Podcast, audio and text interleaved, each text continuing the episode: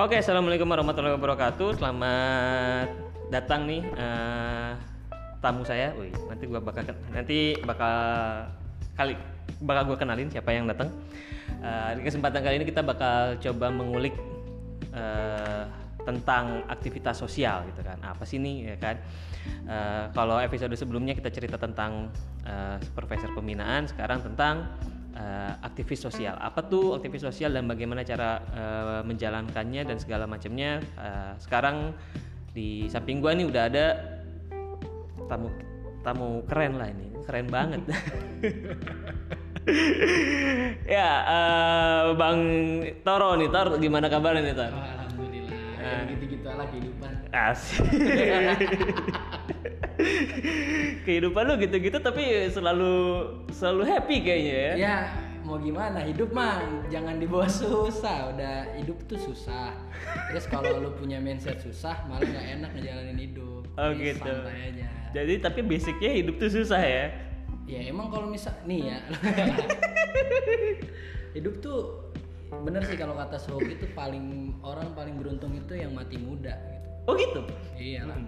Paling beruntung kenapa? Lu tuh gila lu hidup, lu berani hidup aja tuh udah luar biasa gitu. Hmm. Lu lu harus dibenturkan dengan berbagai macam tanggung jawab yang lang- yang nggak lu minta. Satu. Yang kedua, emang lu minta dilahirin. Oke. Jadi udah jadi masalah menurut gua. Ya udahlah, udah lu udah lahir, ya lu nikmati proses lah ya kehidupan yang lu sedang jalanin. Kalau lu susah ya sulit juga kalau misalnya ngejalanin sesuatu ya lu kan nggak minta dilahirin kan? Iya betul nggak minta. ya udah tinggal gimana caranya lu harus tetap bisa survive ketika hidup gitu sih Gokil men. Baru awal udah dalam banget ini. sosok dalam aja Oke, eh, Toro ini ke yang gue tahu nih aktif banget di kegiatan-kegiatan sosial, Tar, ya kan? Boleh ceritain gak nih kepada pendengar nih, eh, lu terlibat di aktivitas sosial apa aja sih? Dari Iya. dulu sampai Oh, sekarang. dari dulu ya? Iya dong. ya jadi sebenarnya awalnya itu dulu gue suka aktivis sosi aktivitas sosial itu dari SMA lah suka suka apa namanya pada dasarnya satu hal yang akhirnya gue suka adalah gue suka ketemu orang suka ngobrol sama orang dan suka belajar sesuatu dari mereka ketika SMA tuh sering inilah apa namanya explore explore gitulah bikin Explore, acara explore. ini bikin apa bikin apa segala macam sampai akhirnya kok enak ya ketemu orang dan kemudian dapat experience dari mereka Ketemu orang dan dapat experience Iya. dari orang-orang itu. Oke. Betul. Sampai akhirnya ketika apa namanya sudah lulus dari SMA, kuliah itu berlanjut. Alhamdulillah berlanjut. Waktu itu ya mungkin di tahun pertama tahun kedua gue masih inilah masih megang anak-anak apa namanya mentoring gitu di SMA dulu kan suka balik segala macem seminggu sekali. Nah itu jadi kayak fondasi bahwa kalau ketika lo mau memulai aktivitas sosial lo, lo harus mencoba komitmen dengan apa yang lo kerjain. Nah, Oke. waktu itu gue berkomitmen satu tahun dua tahun megang satu kelompok gitu kan itu anak kelas 1 kemudian naik kelas Kelas satu SMA? kelas satu SMA ya intinya adalah gimana caranya ngedevelop mereka gitu akhirnya gue harus tahu bagaimana caranya eh, apa namanya si anak-anak ini gue kenalin satu-satu secara personal Oke. gue melakukan di situ kalau bahasa kerennya riset. Alah padahal mah cuma ini doang gitu. Ya udah gue pelajarin satu-satu nih anak-anak gue. Oke anak-anak gue itu sekira ada 7 atau 8 tujuan gue cuma satu gini gue bilang lu kita mentoring gampang sih. Nggak nggak nggak ribet-ribet amat. Lu Iya. apa namanya gimana caranya lu bisa maksimalin potensi lu gitu kan. Oke. kalau emang lu misalnya jago main futsal ya gue pengen lu jadi orang yang main futsal yang benar profesional dan emang benar-benar terbaik gitu Oke. kalau misalnya ada yang lu mau misalnya apa jadi ketua osis kah atau apa terserah yang penting perbaiki diri diri lu segala macam makanya di awal kalau bahasa kerennya lagi assessment itu awal di awal penting lah gitu lah Mantap men. nah itu itu itu ada awal sampai Ada akhirnya- riset, ada assessment ya. ya apa pun itulah itu bahasa keren doang padahal mah itu kita lakukan cuma Oke. kita nggak pernah tahu itu definisinya apa sampai akhirnya pas ke, eh, gue kuliah alhamdulillah dapat proyek juga dari ini kebetulan dari RK ya dari rumah kepemimpinan waktu itu namanya masih PPSDMS waktu itu ada acara pesantren Ramadan di Bantar Gebang Santren Ramadan di Bantar Gebang tuh ya. Hmm. Oke. Nah di situ akhirnya itu cuma tiga hari, terus kemudian gue tertarik. Kenapa? Di Bantar Gebang itu kan TPS ya, tempat pembuangan sampah. Tempat pembuangan sementara untuk Ya, sampah. sementara ya itulah. nah itu sangat-sangat apa ya menarik, marginal dan kemudian ini banget apa namanya gue sangat eh, terenyuh dalam ketika pertama kali gue ke situ. Gue ber, seumur hidup gue baru pertama kali ke situ waktu itu 2012 ingat gue Oke. dan itu gue masuk gitu kan jadi bantar gebang itu terdiri dari beberapa pangkalan 12 sampai 15 pangkalan tempat sampah Pangkalan tuh area-area tempat Area sampah tempat ya. sampah. Oke. nah satu satu pangkalan itu rata-rata ada 10 sampai 12 gunung sampah Gunungnya- Satu pangkalan, Bro. Mm-mm, satu pangkalan tuh ya segitu jadi 10 sampai 15 itu tingginya ya kayak mall-mall gitu deh kayak kalau di sini kayak Margo itu satu itu tinggi Itu satu pangkalan tuh ya. Enggak Eh, itu satu, satu gunung. gunung Satu gunung tuh satu margo gitu. Ah, ah. Margo City gitu ya. Betul. Jadi satu Oke. pangkalan tuh bisa ada, ada 10 atau ada 12, 15 kayak gitu. Nah, gue baru masuk gitu kan itu dari beberapa kilometer baunya tuh udah menyengat banget. Masuk lama-lama oh ternyata sampai bawahnya. Akhirnya itu gue lihat gila ya ada orang yang kuat tinggal di situ.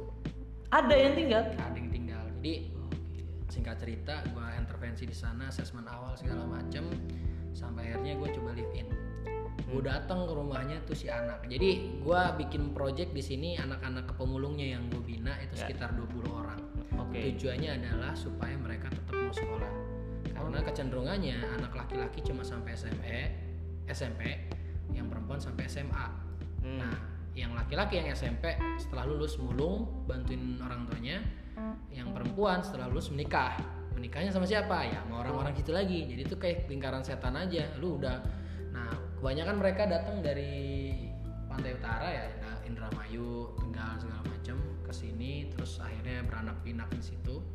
Nah, ditampung sama bos lapak gitu kan Ada bos lapaknya. ada bos lapaknya tiap ini ada nah di satu gunung itu gue live in di bawah gunung itu ada rumahnya jadi bener-bener gunung sampah di bawahnya itu rumahnya Oke. itu bener-bener kayak oh gila sih itu menurut gue gila lu kuat itu sampah jadi sampah belakangnya itu udah itu sampah dan kuat mereka gitu loh Lu ibarat kalau misalkan di rumah buka eh, ada jendela dibuka ya sampah Sampah. udah sampah Lu mau ngeliat ke mana-mana udah dan rumah itu bagian dari sampah gitu loh rumahnya pun bagian dari sampah. dari bagian bagian dari gunung sampah itu bagian dari gunung sampah. makanya gue bilang gila lah ini ya udah ngobrol segala macam kenalan segala macam gue minta izin ya anaknya pengen gini gini gini gitu ya alhamdulillah dari 20 itu gue selama tiga tahun kalau nggak salah gue intervensi tiap minggu gue datang apa ketemu ketemu stakeholder stakeholder yang lain anak-anaknya segala macam sampai akhirnya mereka alhamdulillah dari 25 yang kuliah Masya Allah. dan dari itu pangkalan dua dan alhamdulillah itu ya mereka baru mereka lah yang kuliah di situ Di situ ya. baru mereka tuh anak kuliah dan alhamdulillah sekarang mereka udah pada lulus ada yang alhamdulillah ngelanjutin apa yang gue kerjain dia bikin taman baca juga Oke, jadi akhirnya apa yang lu kerjain itu dikelola sama mereka. nah sebenarnya out- outcome gue nggak sampai sana Oke. sebenarnya outcome gue adalah supaya mereka mau sekolah doang Mau sekolah dari doang. 20 dapat 5 gue Wow. dari 5 satu yang lanjutin Masya Allah. Berarti ini di luar ekspektasi lu tuh. Yes, outcome tambahan lah ininya apa namanya intermediate lah. Alhamdulillah ada yang lanjutin. Sampai ada yang lanjutin gitu ya. Nah, Itu kenapa lu mau ter? Apa Sampai ya? mau ke sana live in segala macamnya.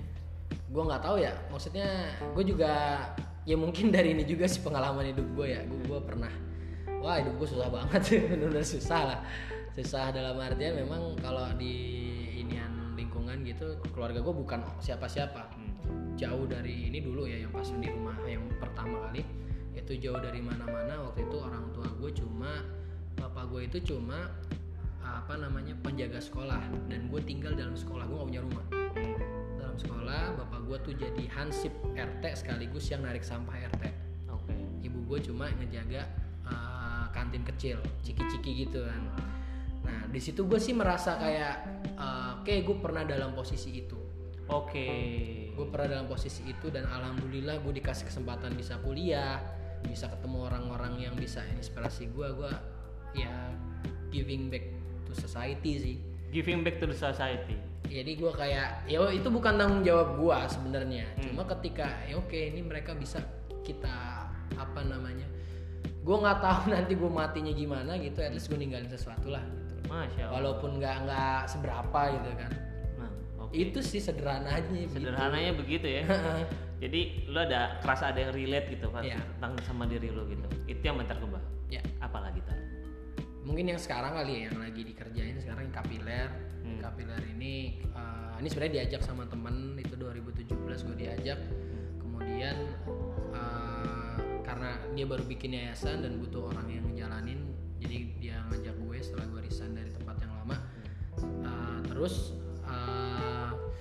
kapiler ini geraknya di pemberdayaan panti asuhan Hmm. Nah di sini gue melihat peluang bahwa ini bisa menjadi sesuatu nih kalau misalnya dijalanin dengan serius gitu loh. Artinya Oke. ya gue full time sampai sekarang. Jadi kalau bahasanya sih ya ya startup startup lah gitu. Nah, Oke. ini udah tahun ketiga alhamdulillah masih bisa survive. Gue nggak tahu sampai kapan cuma yang mudah-mudahan ya mudah-mudahan bisa dibantu sama siapa kayak Sama gitu yang kan. denger lah ya. Kayak gitu sih. Oke ter, eh, menariknya, menariknya nih bagi gua, background kuliah lu kan bukan tentang sosial. Tar. Iya. iya kan, maksud gua. Jadi momen apa nih yang ngebuat lu akhirnya memutuskan diri lu akhirnya terjun di dunia sosial gitu? Iya, iya, iya. Iya, backgroundnya kan gue sastra ya. Iya. Sastra gitu kan, sastranya Arab lagi. ya, kenapa akhirnya pindah gitu ya? Ya semata-mata karena memang apa namanya? Yang pertama gue nggak emang nggak ngefeel di sastra Arabnya gitu ya. Oke. Dalam artian gue memang tidak punya intensi untuk cari kerja di bidang itu Dari awal. dari awal. Dari awal ketika masuk kuliah? Bahkan kuliah pun gue nggak nggak punya intensi sastra Arab sebenarnya. Sastra Arab kan pilihan kedua. Oke. Pilihan pertama gue waktu itu hukum. Oke. Nah, Gokil pilihan pertamanya hukum ya, tapi tetap aja dunia sosial ini kan. karena itu erat sih kaitannya. Kalau lu, lu, lu paham hukum, se- at least ngerti ini ya, lu bisa advokasi orang lain. Oke, fokusnya ke advokasinya. Iyalah, lu Tujuan. lu ini banget masalah litigasi segala macam tuh di luar gue dengar teman-teman gue yang gerak di LBH LBH. Iya. Ya memang banyak orang yang kayak gitu yang harus dibantu secara advokasi. Secara advokasi. Walaupun gua belum kepikiran waktu itu gua ngambil FA itu kenapa, hukum itu kenapa. Cuma yang jelas gua rasa gua bisa bikin sesuatu di hukum, tapi ternyata masuk sastra ya Masuk udah. sastra. Sastra pun nggak nggak inilah. Tapi lu jalanin ya sampai kelar kan? Sampai kelar, Tuh. alhamdulillah sampai kelar dan memang di situ gua juga banyak hal lah. Maksud gua ya tadi lu udah terlanjur masuk, ya udah hidup-hidupilah pilihan lu gitu loh. Mantap, hidup-hidupilah pilihan lu Iya ya. lah.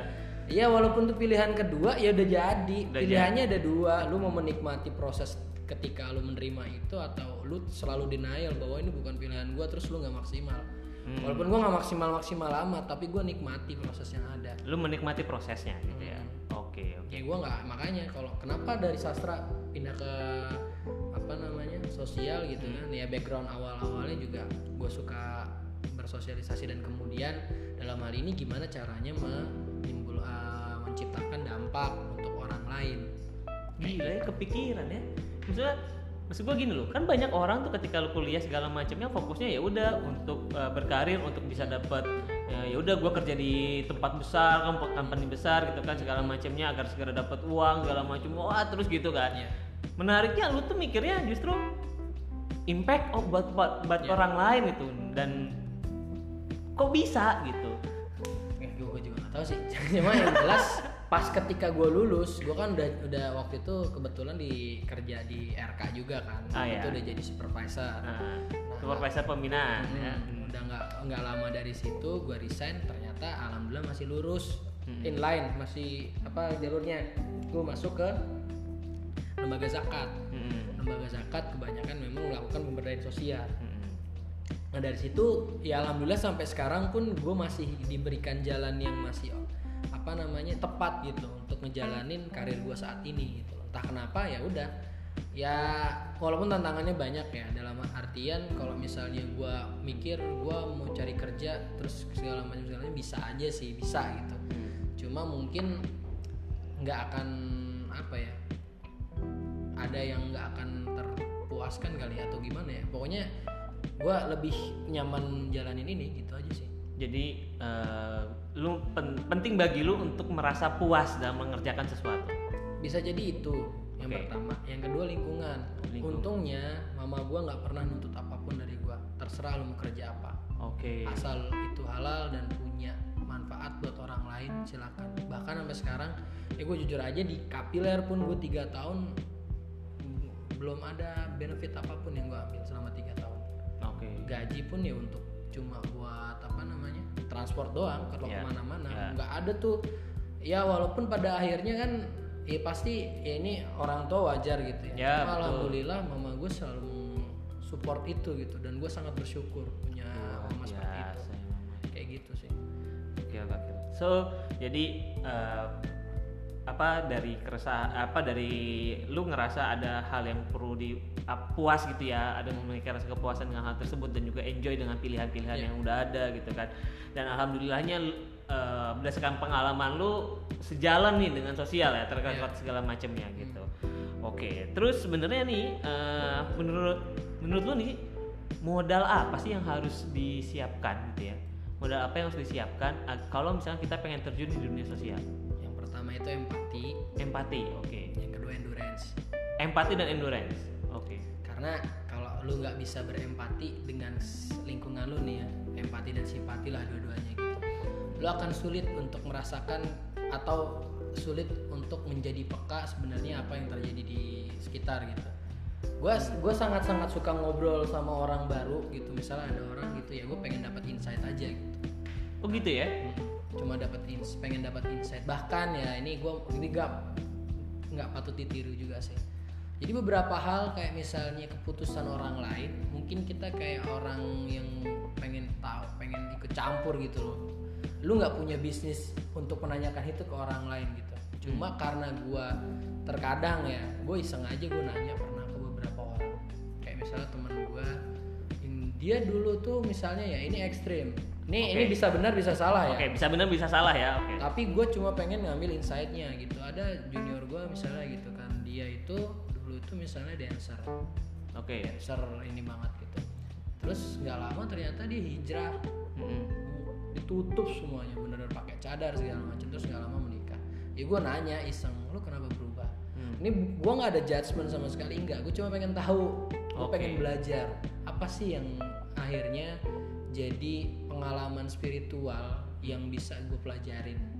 Yang itu memperkaya gue dan gue nggak akan cerita itu ke mana-mana kecuali apa namanya gue maksud gue gue nggak akan punya intensi untuk melakukan keburukan atas cerita lu. Enggak Oke. gue cuma pengen dapat insightnya doang. Pengen dapat insight-nya. Nah, dan kalau misalnya nggak mau cerita pun nggak masalah gitu. Gue cuma pengen tahu aja sih dan gue juga nggak ada intensi buat nyoba oh gini enggak gitu Hmm. paling cuma ya ini insightnya apa kayak gitu kayak gitu kadang gitu sih nah, Jadi, jadi lu bisa belajar dari banyak orang gitu ya. Iya. Gitu, Dari peristiwa-peristiwa apa dari seorang lu ajak ngobrol, lu bisa dapetin insight-nya gitu buat Iya. diri lu pribadi gitu ya.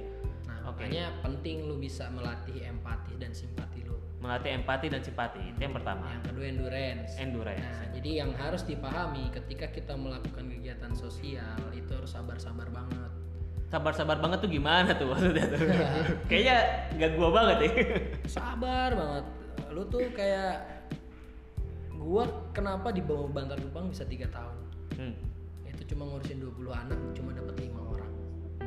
Dan alhamdulillah lima orang itu bisa kuliah gitu loh.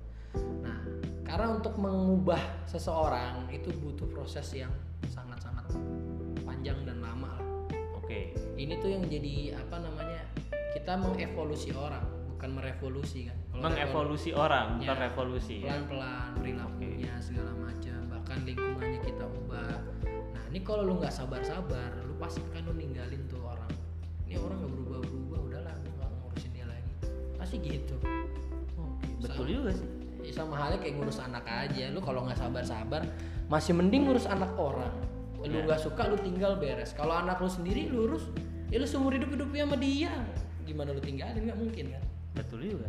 makanya endurance itu penting buat orang-orang yang di sini nih lu akan ketemu nanti fenomenanya penerima manfaat kita tuh kayak gimana Oke, apa yang lu bayangin ternyata beda sama yang di lapangan gitu ya. asumsi kita ternyata meleset Oke. terus oh ternyata resistensinya tinggi harusnya lu harus bener-bener sabar nih masuknya gimana jadi lu bener-bener menganalisis gimana caranya ini orang bisa sesuai dengan apa namanya rancangan perubahan yang pengen kita ubah, buat gitu yang pengen kita buat gitu Hmm. nah itu harus ekstra sabar sih ekstra sabar gitu Kalau lo nggak punya endurance, tahan banting segala macam, gue yakin banget nggak lama. Gitu. nggak lama gitu ya. jadi memang endurance itu jadi modal Modal banget. modal banget Kalau ya. bagi gue dua itu doang udah, ya insya Allah cukup lah. Di luar yang eksternal kayak uang segala macam itu jelas, cuma Nah. pada akhirnya balik ke internal ya itu yang harus ada. Oke, jadi bagi eh, personal internal kita nih untuk pengen jadi seorang aktivis sosial, yang pertama harus punya empati dan simpati dan itu selalu diasah terus menerus, Betul. ya kan? Eh, terus yang kedua tentang endurance-nya, Ya. gitu ya. Oke, mantap sekali. Lalu eh menarik ini kan lu lu punya pengalaman yang begitu banyak di dunia sosial segala macam terus eh, tadi di Bantar Gebang terus sekarang katanya lu di Kapiler tentang panti gitu kan. Nah itu kan ngabisin waktu lu banyak sebenarnya kan ya kan? Dan kalau yang gua tangkap kan ya tadi lu bilang juga bahkan kalau yang sekarang ya fokusnya ya udah uang yang lu dapat itu untuk transport transport segala macamnya gitu kan. Nah terus ngembangin diri lu kayak gimana tuh secara personal tuh Ya, artinya ini kan juga sebenarnya ada hak bagi penerima manfaat yang harus dipenuhi ya. Mm. Maksudnya mereka punya hak untuk mendapatkan pelayanan terbaik dari kita gitu. ya Nah dalam hal ini misalnya kayak gue masih di Kapiler gitu kan. Kapiler eh, dalam hal ini belum memfasilitasi banyak hal misalnya, Hmm. apalagi terkait finance gitu ya misalnya. Nah gimana caranya gue mengembangkan diri gitu. Hmm. Jadi sebenarnya ini cuma masalah mindset dan metode sih ya. oke Kalau mindsetnya lu punya mindset bahwa lu bisa belajar dari siapa pun, lu akan bisa belajar gitu oke Jadi dalam hal ini misalnya gitu, kalau misalnya lu punya kenalan atau misalnya punya apa namanya, punya relasi yang dia emang punya kompetensi yang lu butuhkan, ya lu deketin lah. jadi lu prinsipnya lu bisa belajar sama semua orang gitu tuh cara ngembangin diri personal lu Apa pun yang gue butuhkan, misalnya kalau misalnya senior gue, misalnya dia jago di comdev juga, Ya. community development juga, ya gue ajak ketemuan, gue belajar segala macam lalala. Di satu titik mungkin gue akan minta tolong untuk mentoring gue. Hmm. Gitu loh. Ya kalau ya kalau misalnya lu kenal baik, ya mungkin lu nggak akan ngeluarin banyak dana kan. ya Lu tinggal minta tolong bang, gue pengen jadi mentor lu dong jadi gini, lu Iya menti, menti lu. Jadi menti lu dong. Ajarin gue lah segala macam lah. Itu kan lu bisa. ya ya Satu, yang kedua sekarang teknologi sudah sangat sangat canggih. oke Lu bisa cari apa pun itu di internet, apalah bahkan online course yang gratis pun banyak. lu pernah ngikutin kayak gitu Pernah. Gokil. Ya kalau emang lu butuh dan lu merasa bahwa lu punya apa tangki yang harus lu isi dengan bahan bakar dan supaya itu nggak habis nanti dibagi sama orang lain, tetap harus ngembangin diri sih. Hmm, oke. Ini di luar formal ya, misalnya lu sekolah S2 itu ya mungkin one day iya gitu. Ya, betul. Cuma kalau la- nggak affordable ya udah lu cari aja yang gratis-gratis dulu. Oke. Kalau gua ya dan alhamdulillahnya kemarin juga salah satu yang menjadi kekuatan adalah jejaring. Jejaring. Oke. Nah, ya ini ini ini jejaring juga alhamdulillah dari RK juga ngasih jejaring yang cukup ini juga gitu kan alumninya. Kemudian sekarang juga misalnya kayak nama foundation yang saat ini eh, jadi partner juga. Ya. Nah itu jejaring yang sangat-sangat apa namanya yang lu harus maintain. Oke. Nggak harus dari situ tapi lu bisa dari orang-orang itu lu bisa nanya-nanya bang misalnya apa sambungin gua dong yang gini-gini ya tinggal lu sebutin aja kebutuhan lu apa gitu. Ya, ya. Nah ini pinter-pinter lu gimana caranya mindset lu gimana nih untuk belajar. Nah dalam hal ini memang misalnya untuk beberapa hal yang butuh sertifikasi dan ngeluarin duit ya nabung. Harus harus itu ya effort. Iyalah. effort nabung. Artinya kalau misalnya lu mau dapet sesuatu kan nggak taken for granted. Yes. Itu aja. Lu nggak ngambil serta merta enggak. Tapi lu uh, ketika ilmu tuh lu dapet untuk menghargai ilmu itu lu harus ngeluarin sesuatu juga. Kadang kan Oke, betul banget tuh betul. Jadi memang nggak nggak nggak nggak nggak bisa semuanya gratisan ya. Gitu. Mm, Oke. Kalau emang ada yang harus bayar ya mau nggak mau harus bayar dong. Ya. Ya kalau misalnya nggak ada yang nabung gitu. Gimana pun caranya kayak gitu sih kalau gua. Oh. saat ini. Berarti oke, gua coba tadi lu bilang bahwa ketika pengen uh, ngembangin diri kan akhirnya lu coba uh, ngobrol gitu ya, nyamperin dan, dan mindset lu bilang lu bisa belajar sama sama siapa aja gitu kan. Nam- nyamperin. Terus yang kedua adalah tadi lu bilang uh, manfaatin semua fasilitas yang ada yang jejaring yang ada ya kan. Baik itu online course yang gratisan segala macam lu bisa searching di Google gitu Ya. juga kan. Dan juga uh, tadi yang terakhir lu bilang maintain jejaring lu ya. Ya. Maintain jejaring. Itu cara lu untuk ngembangin diri Ya. gitu oke So eh dengan banyaknya jalan lu, jalan banyaknya experience lu di aktivitas sosial nih, kan lu juga udah ngerasa berkembang. Secara personal tetap berkembang, kan? terus berkembang. Nah, eh ada nggak hal yang paling membekas tuh? Pengalaman dari pengalaman aktivitas sosial lu ya, misalkan ya, ataupun kayaknya kan semua kerjaannya emang berkaitan sama sosial sih ya. Ya, emang ya paling membekas tuh pasti dalam hal ini yang paling pasti akan menjadi apa namanya artefak buat diri sendiri gitu ya. Artefak buat diri sendiri ya. itu Mantap. pasti adalah output atau outcome yang kita dapat dari hasil intervensi yang kita kerjakan Hmm. Contohnya kalau yang di Bantar Gebang tuh jadi si anak ini yang ngelanjutin baru baru bulan lalu meni- menikah kan Masya Allah. Nah, dia menikah dan kemudian ada satu junior gua main ke sana. Dia minta kontaknya ke gua. Hmm. Bang, gua pengen main ke sini, minta kontak gua kasih segala macam. Nah, di situ dia masih sempet cerita tentang aktivitas gua sama teman-teman gua dulu. Oke. Itu yang membuat dia termotivasi untuk melanjutin rumah apa namanya?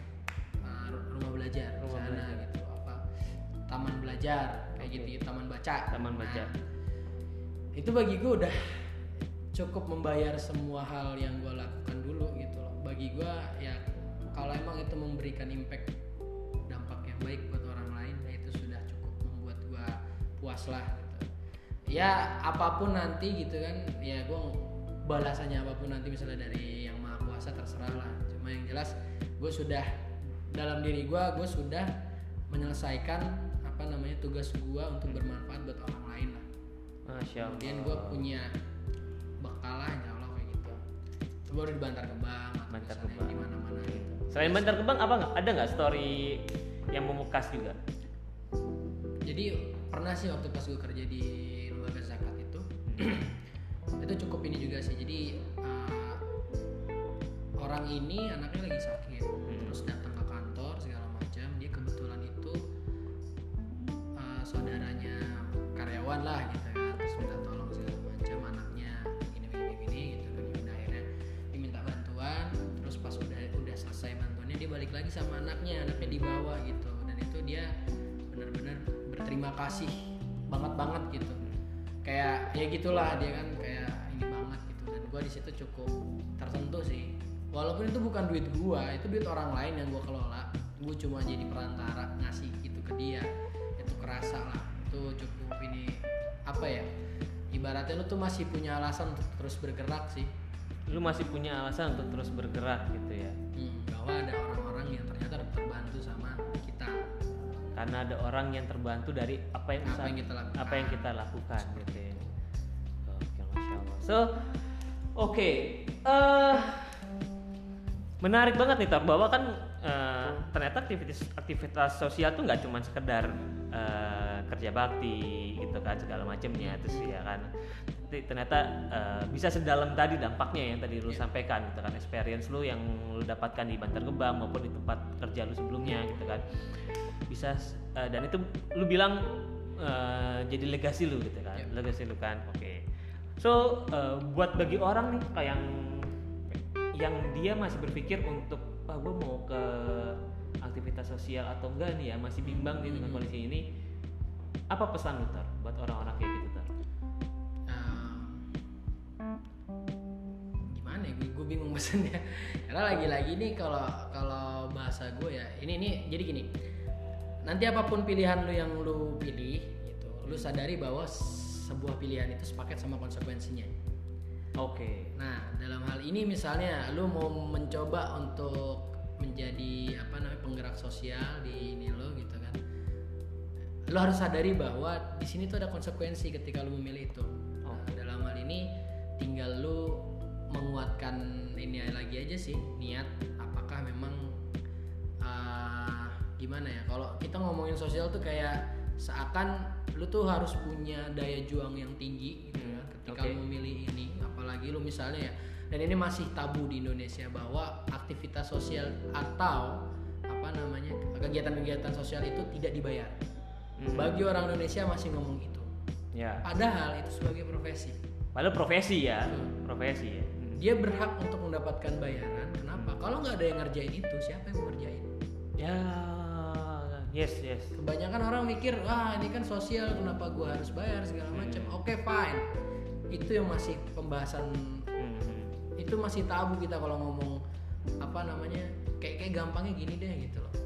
Lu kalau bayar marbot lu bayarnya berapa sih bayar marbot? Lu bayarnya kalau cuma apa namanya uh, misalnya gitu ya ratusan ribu ratusan ribu gitu ya. yang penting seadanya di kotak gitu kan. Nah itu sulit juga buat Oke. marbot yang akhirnya harus komitmen. Ya Nah. gitu loh. Gimana dia mau fokus ini? Apa namanya? Gimana dia mau fokus kerja sebagai marbot yang baik kalau misalnya urusan perut dia nggak beres? Oke. Kalau misalnya dia udah fokus nih lu segini sekian segala macam gitu kan ini kerja juga semakin fokus dong dia nggak harus nyari part time di luar lain gitu. Oke, so sebenarnya dengan aktivitas kerjaan sosial itu ya, yang bilang bahwa eh, lu milih bebas, bebas tapi konsekuensinya yang nggak bisa lu pilih gitu ya. Eh, ya art, bukan bukan nggak bisa dipilih sih nggak bisa dihindarin Nggak bisa dihindarin gitu ya. Iya nggak bisa dihindarin. Nggak bisa dihindarin. Semua keputusan. Artinya Oke. nanti ketika lo di sosial, saran gue adalah lu tebelin niat lagi. Hmm.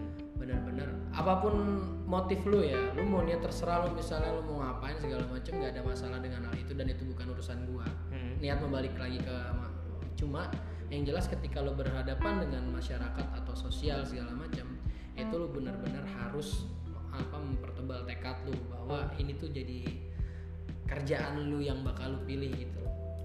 Karena nanti ntar di tengah jalan lu pasti ada aja alasan yang akan mematahkan semangat lu pasti ada aja Pasti ada aja. Dan lu mengalami hal itu juga kan? sering Sering. ya? kadang tuh yang bikin kita patah semangat selain duit ya nggak ada duit itu itu salah satunya Hmm. penerima manfaatnya Penerima manfaatnya. ini orang nggak berubah berubah segala macam kita pengennya gini gini gini ya ya tak nah itu dia makanya lu butuh endurance tuh butuh, Butuh daya endurance, tahan butuh daya kalau lu tahan. nggak sabar sabar ya paling wah udah nah gue cabut deh kan gitu Yes.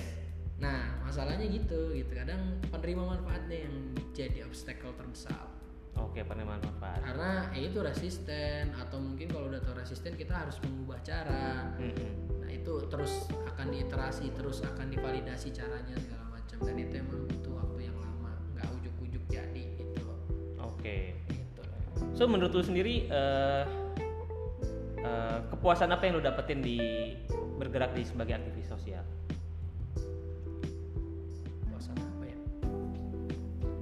Gimana nih Atau ya apa yang hal-hal apa yang tadi kan obstacle lu ceritakan banyak endurance, obstacle segala macamnya. Hal positif deh yang lu dapetin kalau lu terjun Oh di ya, aktivis sosial. oke. Nah, mungkin ini sih rasa bersyukur Rasa akan bersyukur. terus menerus gitu. Hmm. Lu kadang merasa bahwa lu hidup lu paling menyedihkan.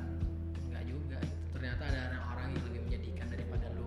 Oke. Atau misalnya lu merasa bahwa masalah lu tuh paling berat.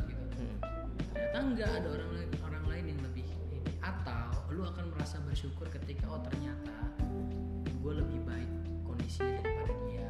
Oke. Dan itu yang membuat lu karena lu udah pernah ngerasain enak Ya. gue nggak tahu lu kalau punya empati atau simpati yang cukup bisa untuk dibagi ke orang lain lu akan mencoba berbagi ke orang itu Ya. gue nggak tahu itu nah kayak, kayak gue misalnya gitu gue pernah itu saking gue dulu bisa beliin gue sepatu gue ngambil sepatu dari tempat sampah gue cuci gue gue sol lagi pernah gue kayak gitu di situ tuh gue ngerasain gila betapa dan waktu orang tua gue nanya lu dapat sepatu dari mana Hmm. ya gue bilang gini gini gini udah di aja nggak apa-apa kok gue tahu orang tua gue pasti berat dong lihat anaknya Ya. dapat sepatu dari situ nah gue ngerasain itu dan gue pengen orang lain pun at least lebih baik dari gue gitu Oke. Nah perspektifnya adalah gimana caranya orang orang yang menjadi penerima manfaat kita ini terdevelop Oke. Perspektifnya adalah mendevelop penerima manfaat, apa namanya mengupgrade mengupgrade. meningkatkan kualitas hidupnya karena da- da- dalam hal ini gini Oke. kalau lu berpikiran bahwa orang lain jangan sampai ngerasa kayak kita oke itu benar Hmm. bisa jadi benar sorry bukan benar Uh, uh, itu sah sorry bukan benar itu sah Hmm. Tapi kemudian bahwa lu malah akhirnya membuat mereka terlena dengan kondisi dia yang apa namanya? Nah ada satu kecenderungan bahwa mereka tuh udah terbiasa menerima.